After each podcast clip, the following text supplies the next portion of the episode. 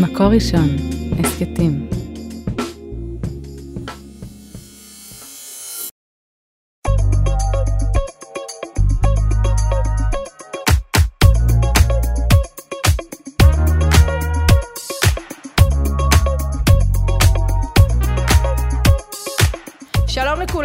שמחים לפתוח עוד פרק בהסכת הפוליטי החדש, ועדת הבחירות מבית מקור ראשון. אני עטרה גרמן, לצידי באולפן ענתר זכריה. שלום. שלום עטרה, מה נשמע? מצוין. אמ, אנחנו כבר, אתה יודע, כבר מתקרבים, זאת אומרת, זה כבר לא, פעם היה, היינו פה באיזה 100 ו... 100 ומשהו יום, היום אנחנו כבר ב-82 יום. כן, לפחות. לבחירות. כן, זה כבר, אתה יודע, אחרי הפריימריז בעבודה ואחרי הפריימריז בליכוד, פתאום מרגישים שדברים קצת אה, קורים באוגוסט, ה... באוגוסט המשמים הזה. נכון, יש לנו עוד פריימריז שמתקרבים אלינו, זה הפריימריז של הציונות הדתית, שזה הפעם הראשונה באמת שיש לנו פריימריז במפלגה הזאת. בשביל זה הבאנו לאולפן את אה, חברת הכנסת אורית סטרוק. בוקר טוב. בוקר טוב, בוקר טוב עטרה, בוקר טוב יונתן. כן, איך, כיף שאת אה, פה. איך כיף להיות איתכם? האמת. איך תראה הרשימה האורית של הכנסת הבאה? של הציונות אה, הדתית כמובן. תראה, זה מאוד מאוד תלוי במתפקדים, וזה די תעלומה, כי אנחנו לא מכירים אותם, זה קרוב ל-25 אלף איש, שרובם הגדול הם מתפקדים, אה, מה שנקרא, ספורדיים. זאת אומרת, הם התפקדו לא בקבוצות ולא בארגזים, אה, הם התפקדו כל אחד לפי... לפי עניינו ומצפונו, ואנחנו באמת לא, לא מכירים לא את סדרי העדיפויות שלהם, ולא... זה הופך את זה אה, להרבה יותר קשה, להרבה יותר מורכב. נכון, זה מורכב, אבל אני רוצה רגע לדבר לפני המורכב, לפני, לפני האתגר שיש לי כאחת המתמודדות, אני רוצה לדבר רגע על הרשימה, כי זה מה שאתה שאלת, כן. אלנתן. ואני חושבת שהרשימה באמת תשקף את פניו של הציבור הזה, ואת סדרי העדיפויות שלו, ואת מה שחשוב לו, וחשוב לו פחות וחשוב לו יותר, וזה יהיה מעניין. אנחנו נראה שינוי פנים של הרשימה, מה שנקרא אה, שינוי האופי של הרשימה אולי. אני, אני אומרת שוב, אני באמת באמת לא יודעת. זאת אומרת, אני פתחתי את uh, ספר הבוחרים, כי הוא ניתן לנו כמתמודדים, וראיתי שרובם הגדול לא מוכרים לי. ו... טוב, זה 24 אלף איש, כמה את נכון, מכירה? נכון, ולכן אני אומרת, ולכן אני אומרת, זה יהיה מעניין. כל אחד זאת הזדמנות. מיוחדת, הזדמנות אה, מיוחדת באמת לציבור, להשפיע ולקבוע את סדר היום של המפלגה. ואנחנו רואים עד כמה ההרכב של הרשימה, של הסיעה בכנסת, עד כמה הוא יכול להשפיע באופן דרמטי אה, גם על, אה, גם על עתיד המפלגה וגם על עתיד עם ישראל ממש. סתם תיקחו לדוגמה את האירוע הדרמטי אה, שעמית סגל היטיב אה, לתאר בחשיפה שלו על ה... השבוע על אותה שיחה בין... על, אה, ה, על, הרגע, על הרגע הזה המכונן שבאמת אה, בצלאל אה, ואני יחד איתו הגענו לפגישה עם הרבנים, הרי ברור שאם לא, לא היה הרכב כזה של הסיעה, ואם הסיעה לא הייתה עומדת כאיש אחד אה, מאחורינו בהחלטות האלה בנושא ממשלה עם רע"מ, יכול מאוד להיות שכל עתיד מדינת ישראל, כולה, היה משתנה. ובכלל, אני רוצה להגיד לכם, אני המון שנים בפוליטיקה, לא כחברת כנסת, אבל כפעילה חוץ פרלמנטרית, המון המון שנים, יותר מ-25 שנה אני באירוע הזה. והמסקנה מספר אחת שלי מכל הניסיון הפוליטי העשיר, זה שבסוף בסוף מה שקובע זה אנשים, בני אדם. אז הנה, בוא נדבר על האיכות אנשים. האנושית שלהם, היא בסופו של דבר מעצבת את עתיד מדינת ישראל. אז בוא נדבר על אנשים. אני הרבה שנים הייתי עם איילת שקד, שיתפת אותה הרבה הרבה מאוד נושאים אה, פעולה, גם בתוך הכנסת וגם מחוץ לכנסת. היום היחסים שלכם, איך היית מגדירה אותם? אמ, אנשים לא רואים את ה- את החיוך לא ה- רואים את ה- לא רואים את הפנים כן, שלי. את הפנים. ואת הגלגלי מוח עובדים... אה, לא, אני, אני פחות עם גלגלי מוח, אני יותר בפתיחות. אני אומרת ש... שאני מצד אחד מאוד מאוד אה, אוהבת את איילת, והיה לנו המון עבר משותף הדוק, בעצם אה, בעיקר כשהייתה שרת משפטים, אני הייתי ממש יד ימינה, וכמעט כל מה שהיא עשתה, כל מה שהיא עשתה, בלי כמעט, בתחום ההתיישבות במשרד המשפטים, זה בעצם דברים שאני יעצתי לה, והיא גם אומרת את זה, ובפה מלא. והייתה לנו שותפות הדוקה מאוד מאוד. אה, היום קשה לי, קשה לי מאוד עם, ה, עם הצעד שהיא עשתה, וגם קשה לי עם מה שהיא עושה עכשיו. זאת אומרת, אה, אני חושבת בשלב הזה של מדינת ישראל, כשבעצם ההגה של המדינה נמסר בחוסר אחריות נוראי לידיים של יאיר לפיד. ו, אמ, ויש בידי אלה שמסרו לו את ההגה הזה, מה שמכונה ב... בעג... בלשון של אה, תקנון עבודת הממשלה זה נקרא גוש ימינה, כן? זאת אומרת, חברי ימי... אה, השרים של ימינה והשרים של תקווה חדשה, יש להם ביד מנגנון יעיל, שיכול למנוע מלפיד לעשות דברים מזיקים. הם עשו את זה עם יוסי בלין. ורגע, תכף נדבר על יוסי בלין, אבל, אבל ב, אה, ב, הם באופן די שיטתי לא מתעסקים עם המנגנון הזה, ולא רואים את עצמם ככלבי השמירה של הדמוקרטיה. עוד לפני שנייה הכניסה לממשלה. תראי מה קרה עם יוסי בלין. תראי רגע, רגע, רגע, רגע. את היום מדברת עם איילת שקד? תראי, תשמעי רגע, שנייה, אני רוצה לדבר שנייה על, על יוסי בלין. תראי מה קרה עם יוסי בלין. רגע, אבל אני רוצה לשאול אותך על איילת שקד, ואחרי זה אנחנו נעבור תאמין וגם לא דיברתי איתה הרבה זמן, אני אומרת את האמת, לא דיברתי איתה הרבה זמן, קשה לי. אמ, אבל אם היית מדברת איתה, מה היית מציעה לעשות עכשיו? את מה שעכשיו אני אומרת. לא יכול להיות שאורית סטרוק מתעוררת ביום שישי בבוקר, ורואה שיוסי בלין הזדחל בזחילה אינדיאנית לתוך סדר היום של הממשלה, שזה דבר שנפתלי בנט היה אמור למנוע לפני שאורית סטרוק פתחה את העיניים.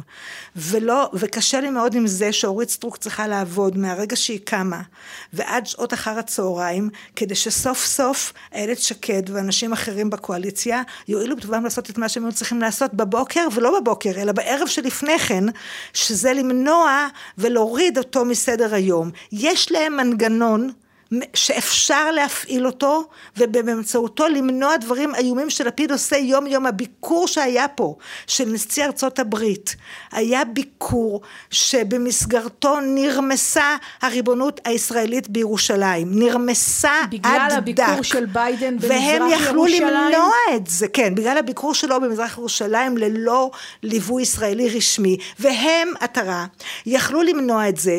הם היו צריכים, תקשיבי, שרי הממשלה שנבחרו בקולות הימין, היו צריכים כל יום לעמוד ככל, ככלבי השמירה של הדמוקרטיה ולמנוע מלפיד לעשות שטויות לפני שהם עושים... מבחינתך עדיין ימין אבל שנייה, בכלל? אני לא מדברת על זה, אני מדברת על זה שהם מסרו ללפיד את ההגה, ולפני שהם עושים צעד אחד לשיקום הקריירה הפוליטית המתרסקת שלהם, צעד אחד לפני שהם רצים לאולפן אחד, לפני שהם נפגשים עם פעיל פוליטי אחד, לפני שהם הולכים לעשות, לשים שלט אחד, לפני כל זה הם היו צריכים לוודא ככלבי שמירה של הדמוקרטיה, שלפיד לא עושה נזקים למדינת ישראל, והם לא עושים את זה. למה לדעתך הם לא עשו את זה? הם, הם לא עושים את זה כי הם עסוקים בעצמם במקום להיות עסוקים בעתיד מדינת ישראל. זאת הסיבה, וזה הכי מרגיז אותי, וזה מקומם אותי. חברים, אתם הבטחתם לנו כשהקמתם את הממשלה הנוראה הזו, אה, הבטחתם לנו שאתם בונים מנגנון שיאפשר לכם שליטה. בניתם את המנגנון, ואתם לא מרגיז, משתמשים בו. זה מה שהכי מרגיז אותך? כן. זה הכי מרגיז אותי משום שמדינת ישראל הופקרה. בידיים של בן אדם שפעם אחת הוא שמאלן ופעם שני, שנייה הוא חסר ניסיון ופעם שלישי, שלישית הוא חסר הבנה ומי שהיה צריך לפקח על זה שהוא לא יעשה דברים שיכולים להיות מאוד מאוד מזיקים למדינת ישראל וכל חצי יום אנחנו מורטים את השערות על דברים שהוא עושה זה הם. והם כן יש להם את הניסיון וכן יש להם את ההבנה ו... ויש להם, ויש להם את המנגנון שהם יכולים למנוע את הצעדים האלה והם לא משתמשים במנגנון האלה, אז זה משום שהם עסוקים בעצמם וזה בעיניי פשע לאומי, לא פחות. אז בוא נשאל אולי באמת על מה שקורה בציבור אה, שאנחנו מגיעים ממנו, עברו שנים לא, לא פשוטות, זה לא התחיל מהשנה האחרונה, שותפים לזה גם בנט ושקד, אבל שותפים לזה כמובן גם אה, אה, את ובצלאל אה, סמוטריץ' ואופיר סופר וכולי וכל, אה, וכל החברים. את רואה מצב היום שיכול להיות שהמעשה הזה, יש אנשים שאומרים אולי הוא בסוף עשה טוב אה, לימין, לציונות הדתית, ולא אה, להסתכל על, ה, על הקרע הזה שאנחנו אה, רואים? אני חושבת שהציבור אה, הדתי-לאומי, הציבור של הציונות הדתית עבר טלטלה מאוד מאוד גדולה. אני זוכרת את עצמי ביום הבחירות לכנסת בפעם שעברה, יושבת אה, עומדת בעצם על המדרגות של הכניסה לקלפי ברבבה, ביחד עם מתן כהנא. ומתן כהנא אומר לי, בואי נצטלם יחד. אנחנו הרי בסך הכל שתי מפלגות אחיות, ובואי נצטלם יחד צילום חגיגי. שנינו דתיים לאומיים. וכן, ו, ו, והצטלמנו יחד עם הפעילים שלו ועם הפעילים שלי, והאווירה הייתה שיש פה בעצם שתי מפלגות אחיות, שאולי מה שמבדיל ביניהם זה, נקרא לזה ככה, הדתומטר, רמת הדתיות. וזה מה שחשבו רוב המצביעים. זאת אומרת, רוב המצביעים אמרו לעצמם, אם אני יותר בכיוון ה... אה, של הקפדה במצוות וכדומה, הכיוון התורני, אז אני הולך עם הציונות הדתית, ואם אני בכיוון היותר לייטי, אני הולך עם ימינה. זה מה שאנשים חשבו.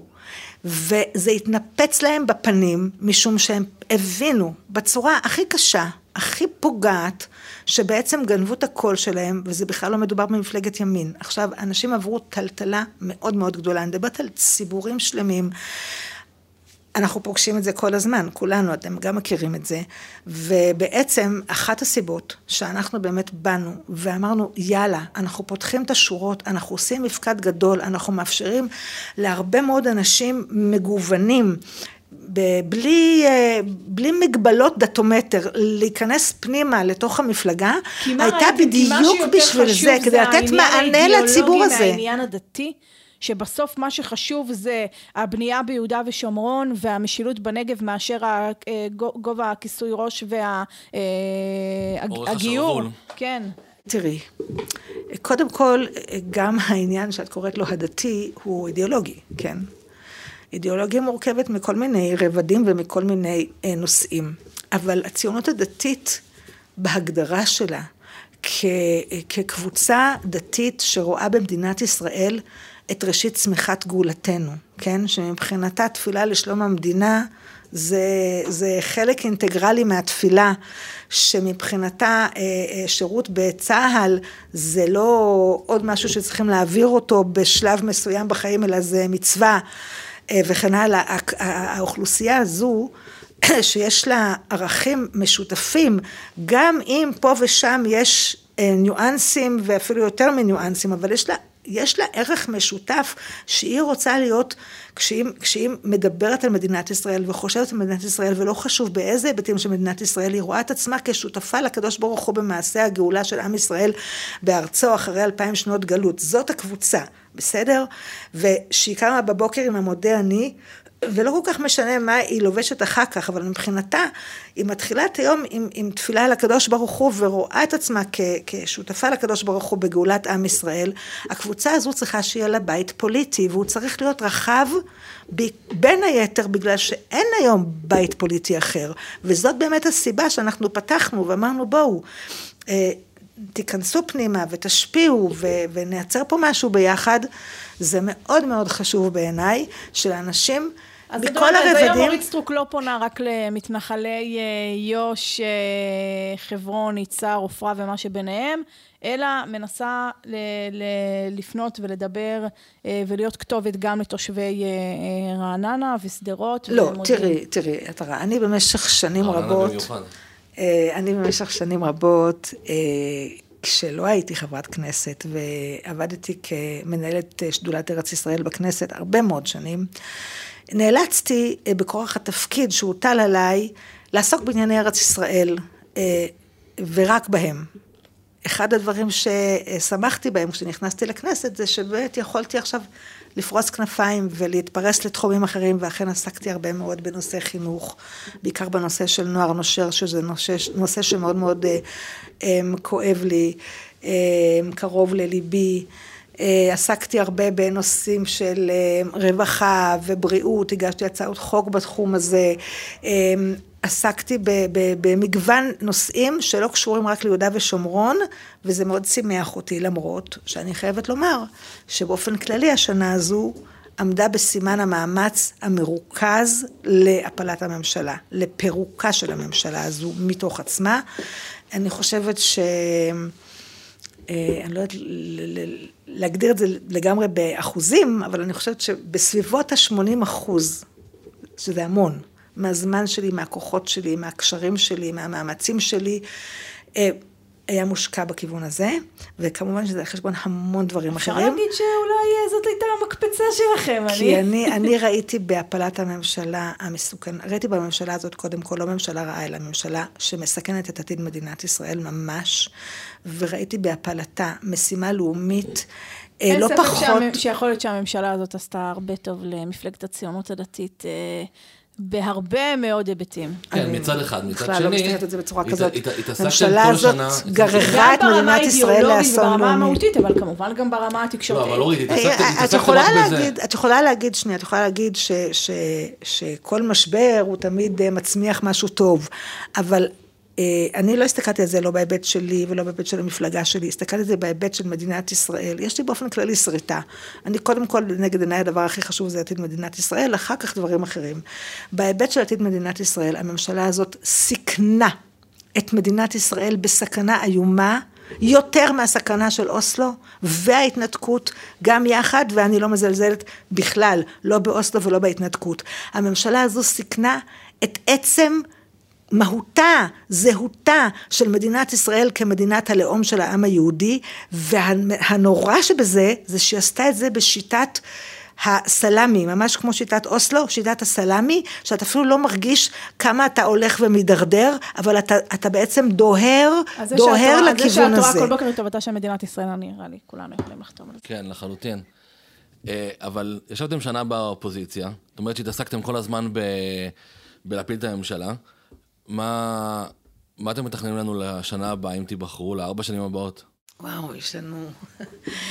תראה, יש אני רוצה- לנו... אני רוצה להגיד יותר מזה, שהיום זה, אחרי כל הבילדאפ נקרא לזה של השנה האחרונה, הציפיות של הציבור בשמיים. אתם, אתם הבטחתם ומבטיחים דברים שבסוף יצטרכו לעמוד מאחוריהם. אז קודם כל אני רוצה להגיד, אה, להעיר ככה על מה שנתן אמר, שאתה אומר, התעסקתם. לא כולם התעסקו.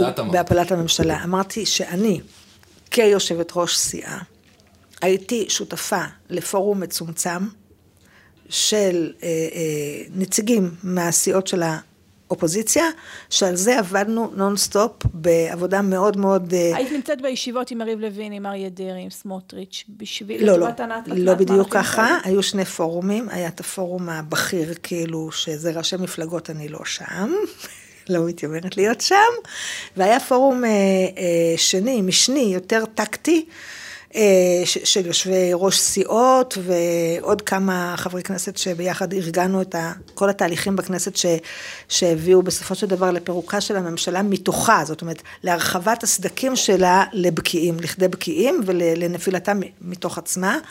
והייתה עבודה נורא אינטנסיבית ש, שחייבה אותי אישית לוותר על הרבה דברים אחרים חוץ משעות שינה ושעות אכילה ושעות משפחה.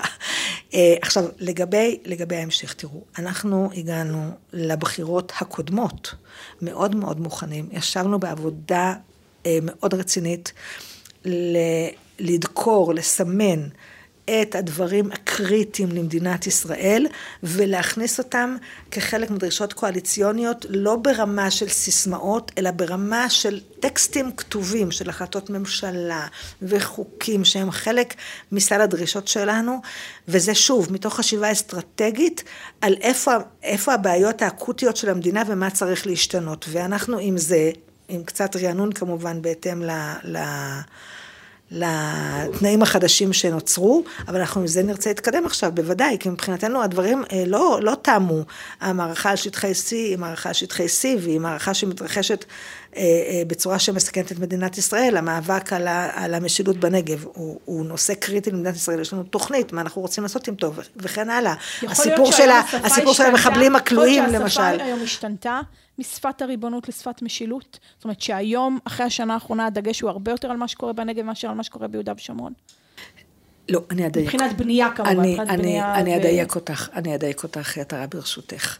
תראי, אה, לאורך שנים, הדיון המרכזי על ענייני ארץ ישראל נסוב על מה שמכונה קווי 67.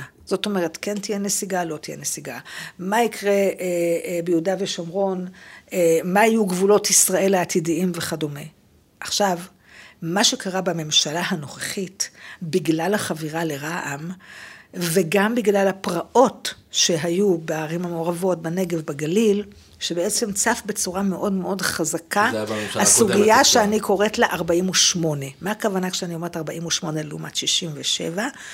48 הכוונה עצם זהותה של המדינה, של מי המדינה הזאת בעצם, מה היא, מה העתיד שלה, לאן היא צריכה ללכת.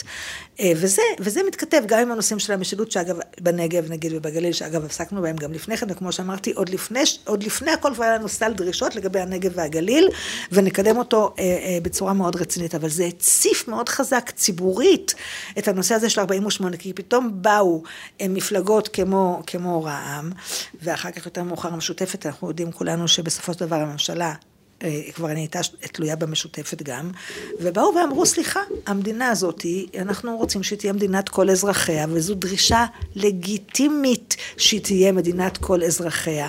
זה מחזיר אותנו לוויכוח הרבה יותר קודם. והרבה יותר בסיסי בכלל.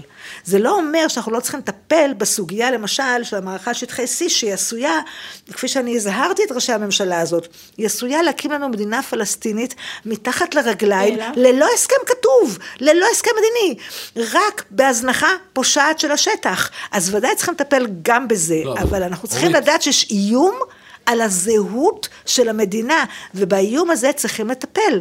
לא, אבל אורית, בואי בוא נחזור טיפה לפוליטיקה. אם נתניהו לא משיג אה, 61 קולות, הוא, הוא יכול לעשות לכם מה שהוא עושה לכם כבר בקדנציות הקודמות, להשאיר את אה, הציונות הדתית באופוזיציה, ואז כל התוכניות שלכם, שהן מאוד יפות, יחזרו להיות מה שהיה בעבר, שב-12 שנים האחרונות, שראש, היה ראש ממשלה, הוא לא, הוא לא טיפל בדברים האלה. אז, אז התוכניות זה דבר מאוד טוב, השאלה מה קורה בפועל. אנחנו צריכים להיות גדולים וחזקים, כדי שאי אפשר יהיה לנפנף אותנו. אני חושבת שהיום כולם מבינים את זה. אני חושבת שכל מי שעיניו בראשו מבין היום, אחרי השנה החולפת הזו, עד כמה המפלגה שלנו היא בעצם אה, השאור שבעיסה היא בעצם חוד החנית שמוביל בהיבט הערכי והעקרוני את כל המחנה הלאומי, גם אם זו המפלגה היותר קטנה, היא בעצם זו שמובילה, אבל חשוב מאוד שהציבור ייתן לנו כוח להיות מספיק גדולים וחזקים, כדי שנוכל באמת להוביל למקומות שאנחנו... אה, אה, שאנחנו רואים בהם קריטיים למדינת ישראל. אני לא מדברת פה על שאיפות לוקסוס, אני מדברת על דברים קריטיים לעתיד המדינה. עמדתם כ... אה, נקרא לזה, נתתם את כל הגיבוי השבוע לממשלה, למדיניות שלה במבצע עלות השחר. יכול להיות שמה שנקרא, אה, שהיה לכם על מה להודות, זאת אומרת שבאמת היה פה מבצע יעיל וטקטי ונכון וטוב וקצר, ודברים שלא היו אולי בעבר. תראה, אני רוצה לדבר באמת על עולות השחר. עולות השחר, מעבר לזה שברמה הטקטית, זה באמת מבצע אה, בונבוניירה, הייתי אומרת, ולהצדיע לאביב כוכבי, פשוט להצדיע לו, הבן. אדם הזה, אז תכף אני אגיד על לפיד, עוד שנייה.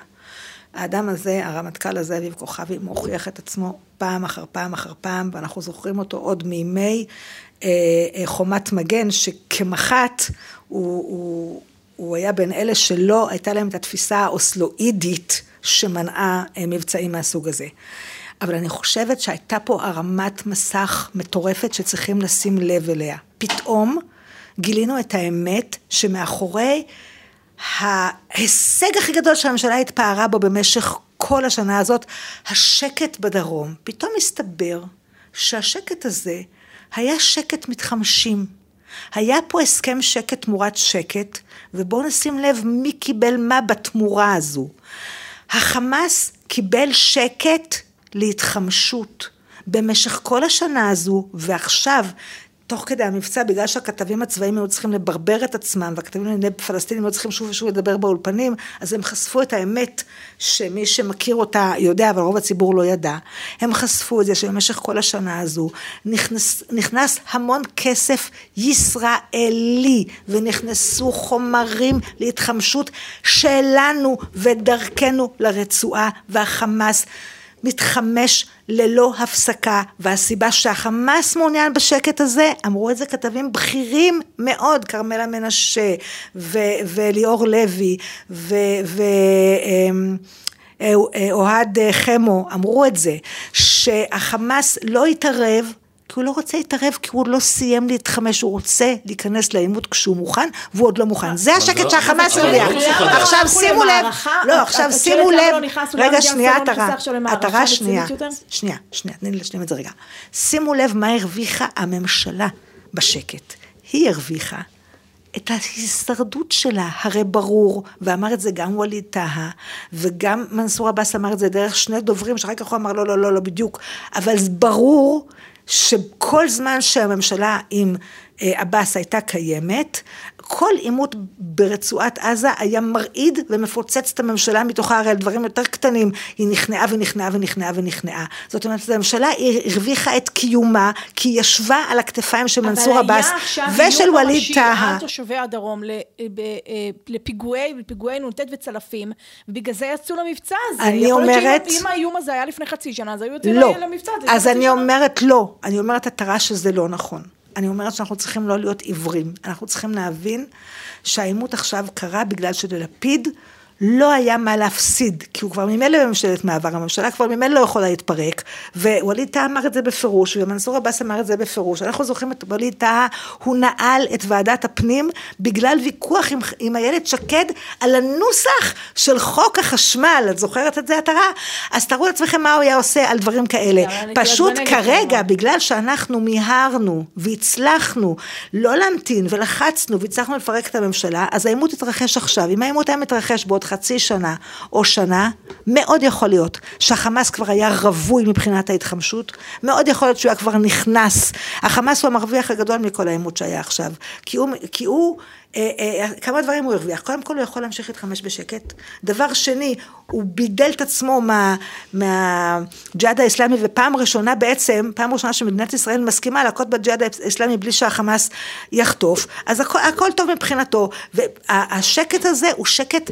מפחיד ומטריד, כי הוא שקט מתחמשים, הוא שקט שבסופו של דבר כל מה שקורה בו ייפול על הראשים שלנו, לא רק בעוטף עזה, לא רק באשקלון, בתל אביב, וכמו שאומרים הערבים, בדה בדה תל אביב, זה השקט הזה. והשקט הזה עכשיו הופר במובן מסוים, ושוב אני אומרת ברמה הטקטית להצדיע, רק בגלל שללפיד לא היה מה להפסיד. אם חלילה לא היינו מפילים את הממשלה מספיק מוקדם, והיינו עכשיו נגיד סוחבים עוד חצי שנה עד שהיא תיפול, גם זה לא היה קורה. גם עכשיו צריך לא, להבין גם את זה. טוענת שגם עכשיו לא היה מבצע. אני רוצה, אנחנו חייבים לסיים, אני רוצה משפט שלך על, ה, אה, על מה שקורה בכבישים ביו"ש. אנחנו רואים הרבה יותר אה, פיגועי אבנים וגם נסיעה אה, מופקרת של אה, פלסטינים שם. יש דרך לטפל בזה? תראי, צריך להפריד. הפיגועים זה אירוע אחד, פיגועי אבנים הם נוראים, ואני אני מאוד שמחה, את הרב, ואני מודה לך על זה, שאת משתמשת בביטוי פיגועי אבנים, כי הביטוי זריקות אבנים, אנחנו צריכים לזרוק אותו. אין דבר כזה זריקות אבנים. הזריקות אבנים האלה הם פיגועים לכל דבר, הבן שלי והנכדים שלי אה, נפגעו מפיגוע כזה, ועוד אנשים אחרים ונוספים. זה פיגוע לכל דבר, וברגע שהיחס, ובזה אתם יכולים הרבה להרים, כי אתם תקשורת, המון תלוי במיתוג. אז אני אומרת, כל פעם שאנחנו נאמר פיגועי אבנים, זה בסופו של דבר ישפיע על היחס של המערכת כלפי המפגעים האלה, את, המפגעים של הבן שלי, אף אחד לא ניסה בכלל לתפוס. מי, מי בכלל שם עליהם? אז זה לגבי... לא עצרו אותם? זה- לא, לא עצרו אותם, ולדעתי גם לא חיפשו אותם, אם את שואלת אותי. אה, כי זה לא מעניין, כי הם היו יורים עליהם, אבל בסוף התוצאה יכולה להיות אותה תוצאה, מבינה? הם יורים, יורים עליהם.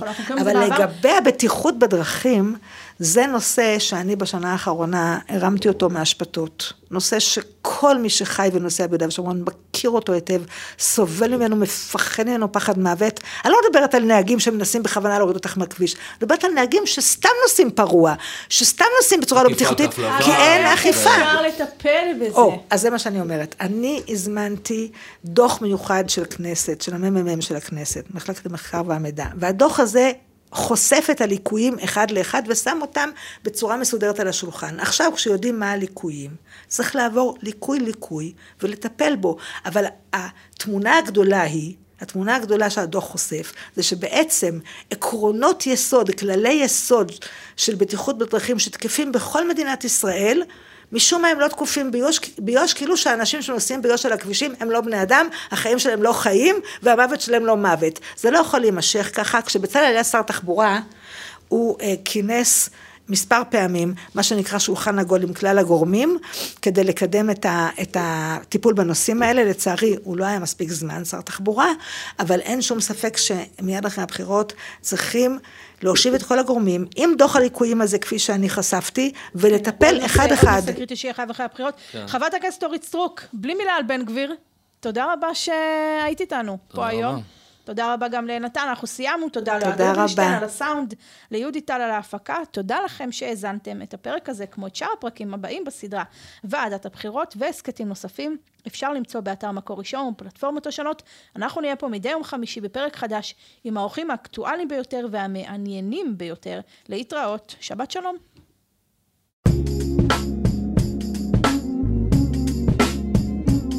מקור ראשון, הסכתים.